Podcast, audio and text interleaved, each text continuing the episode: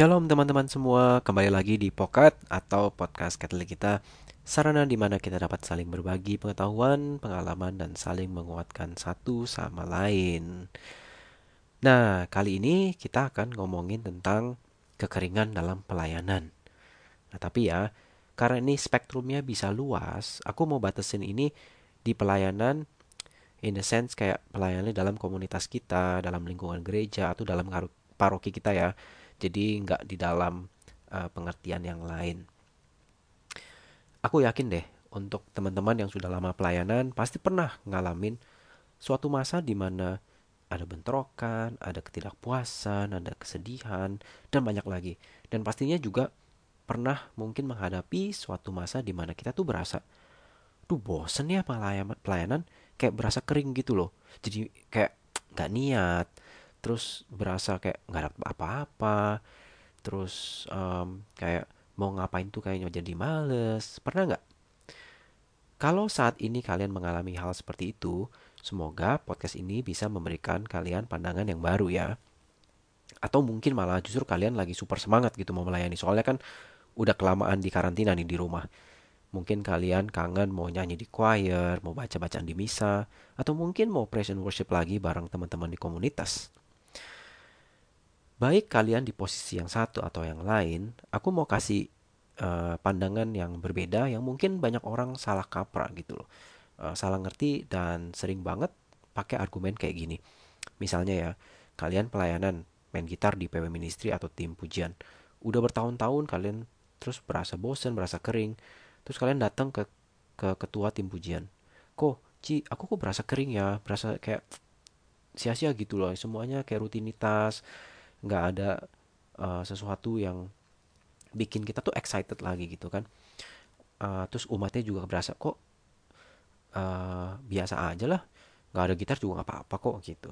Terus kita kayak nggak ada kemajuan. Um, sering nggak sih dari kalian tuh dapat uh, nasihat kayak gini? Oh kamu jalanin aja nggak apa-apa. Kamu kan pelayanan buat Tuhan atau misalnya yang lain lagi kalian mau plan untuk pergi pelayanan bersama komunitas misalnya ke panti uh, asuhan. Terus ada yang bilang, ayo kita semangat, kita mau melayani Tuhan gitu. Um, sekarang mungkin kalian mikir, lah ini apa sih yang mau disampaikan di podcast kali ini? Yang mau aku ketekankan di sini adalah kalimat pelayanan untuk Tuhan. Terus terang, ini juga hal yang aku alami sendiri gitu jadi ketika lagi down, lagi kering pelayanan atau lagi kesel sama yang dilayanin, yang aku ingat itu adalah oh, aku kan pelayanan untuk Tuhan. Jadi yang dipegang itu pelayanan untuk Tuhan gitu loh. Kalian juga pasti sama kan? Ya enggak? Nah, uh, tapi yang aku mau sedikit uh, berikan pandangan yang lain itu adalah satu hal yang mungkin aku juga belajar waktu itu uh, ketika belajar fundamental teologi. Ketika kita pelayanan, kita bisa ubah fokus kita, ubah gagasan dalam otak kita, ubah intensi kita dari pelayanan ke Tuhan menjadi pelayanan ke sesama. Um, mungkin kalian pikir ya, hmm, jadi bedanya apa sih gitu loh. Misalnya gini nih, kalau kita melayani jadi worship leader dalam sel yang isinya 5-6 orang, konsen ke pelayanan untuk 5 atau orang 6 orang itu. Jadi prinsip utamanya adalah pelayanan ke orang-orang tersebut dengan benar-benar uh, cinta yang full gitu loh. Otomatis ketika kita melayani mereka dengan penuh cinta kasih kita tuh udah melayani Tuhan. Jadi jangan dibalik. Jadi um, jangan so called melayani Tuhan dulu uh, kita punya intensi melayani Tuhan kita menjalani melayani Tuhan dulu dan kemudian melayani sesama. Um, emangnya salah ya mikir gitu? Nggak salah Cuma aku rasa ada hal yang bisa kita improve significantly kalau kita melakukannya dengan cara kita fokus pertama kita adalah yang dilihat, yang bisa terlihat. Kita melayani sesama itu dulu. Jadi bedanya apa sih antara melayani Tuhan dulu atau melayani sesama dulu? Um, mungkin biar lebih jelasnya aku kasih contoh gini deh. Kalau kamu seorang parents atau orang orang tua, kemudian ada temen yang bilang, uh, Budi eh Budi gue titip dong anak gue hari ini di tempat lu. Soalnya gue ada kerjaan mendadak nih di luar kota. Nah tentu saja with respect terhadap orang tua si anak uh, Budi akan menjagain anak itu dong. Jangan kasih makan mandiin mungkin mandiin.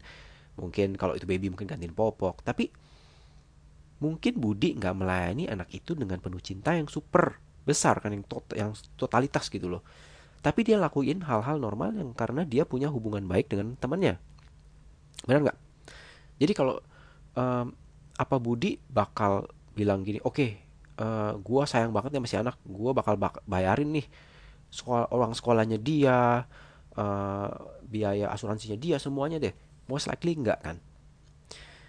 Kita uh, selalu berpikir kayak oh uh, aku melayani Tuhan dulu karena aku punya jadi aku bisa melayani sesama uh, itu hal yang baik banget. Aku nggak bilang ini salah ya. Itu hal yang baik. Jadi kita punya hubungan yang erat dengan Tuhan sehingga kita bisa melayani sesama. Tapi ke kita kita dalam pelayanan uh, di dalam komunitas kita sendiri di dalam paroki kita sendiri itu akan hal yang berbeda. Kayak misalnya beda juga dengan contoh yang tadi. Beda kalau si Budi jagain anaknya sendiri. Dia bakal sayang itu anak duluan above all other things. Gak bedanya? Jadi ketika kita pelayanan kita fokus sama yang dilayani tentu saja namanya orang ya kita ketemu sama yang ngeselin sama yang annoying sama orang yang kita nggak suka dan kita selalu tarik diri kita sendiri dan pakai justification aku ini melayani Tuhan tapi yang terjadi akhirnya apa? Kita nggak melayani orang itu dengan penuh cinta. Kita terbatasi sama intensi kita sendiri. Even uh, kalau ngomong kasarnya ya, kita tuh gunain orang lain untuk memenuhi intensi kita. Hal ini banyak terjadi dalam misalnya donation atau baksos. Mungkin kita ngelakuin hal itu juga dengan gak sadar sih. Kita mau pergi ke, panti asuhan misalnya, mau menghibur mereka kan. It's something wonderful, it's something beautiful. Tapi sering kali kita tuh di back of our mind, kita bilang aku ini ngelakuin ini untuk Tuhan. Jadi yang first priority itu uh, lakuin ini untuk Tuhan. Padahal kalau kita ngelakuin ini untuk anak-anak yatim, kita jadi akan punya pola pikir yang berbeda. Misalnya, kita akan lebih jeli, kita lebih teliti, kita lebih fokus akan kasih kita ke mereka.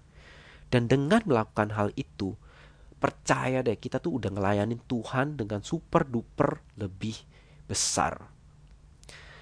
Seperti yang uh, Pope Francis pernah bilang, kita itu perlu orang miskin, seperti orang miskin itu memerlukan kita kok. Jadi kita harus ingat, jangan gunain mereka untuk kepentingan kita. Sekalipun kepentingan kita itu adalah dalam tanda kutip mau nyenengin Tuhan. Contoh yang excellent lain uh, misalnya bisa lihat Saint uh, Teresa of Calcutta, Mother Teresa, dia ngelainin orang-orang miskin itu bener-bener ngelainin mereka, mencintai mereka. Fokusnya itu ke orang-orang miskin itu. Dan dia ngelakuin itu nggak separuh hati. Dan dengan begitu dia udah melayani Tuhan kita otomatis dengan sepenuh hatinya, dengan sepenuh cintanya. Nah, kalau kita kembali ke pertanyaan, jadi apa yang harus kita lakuin di saat kita melayani, mengalami kebosanan dan kekeringan dalam pelayanan kita?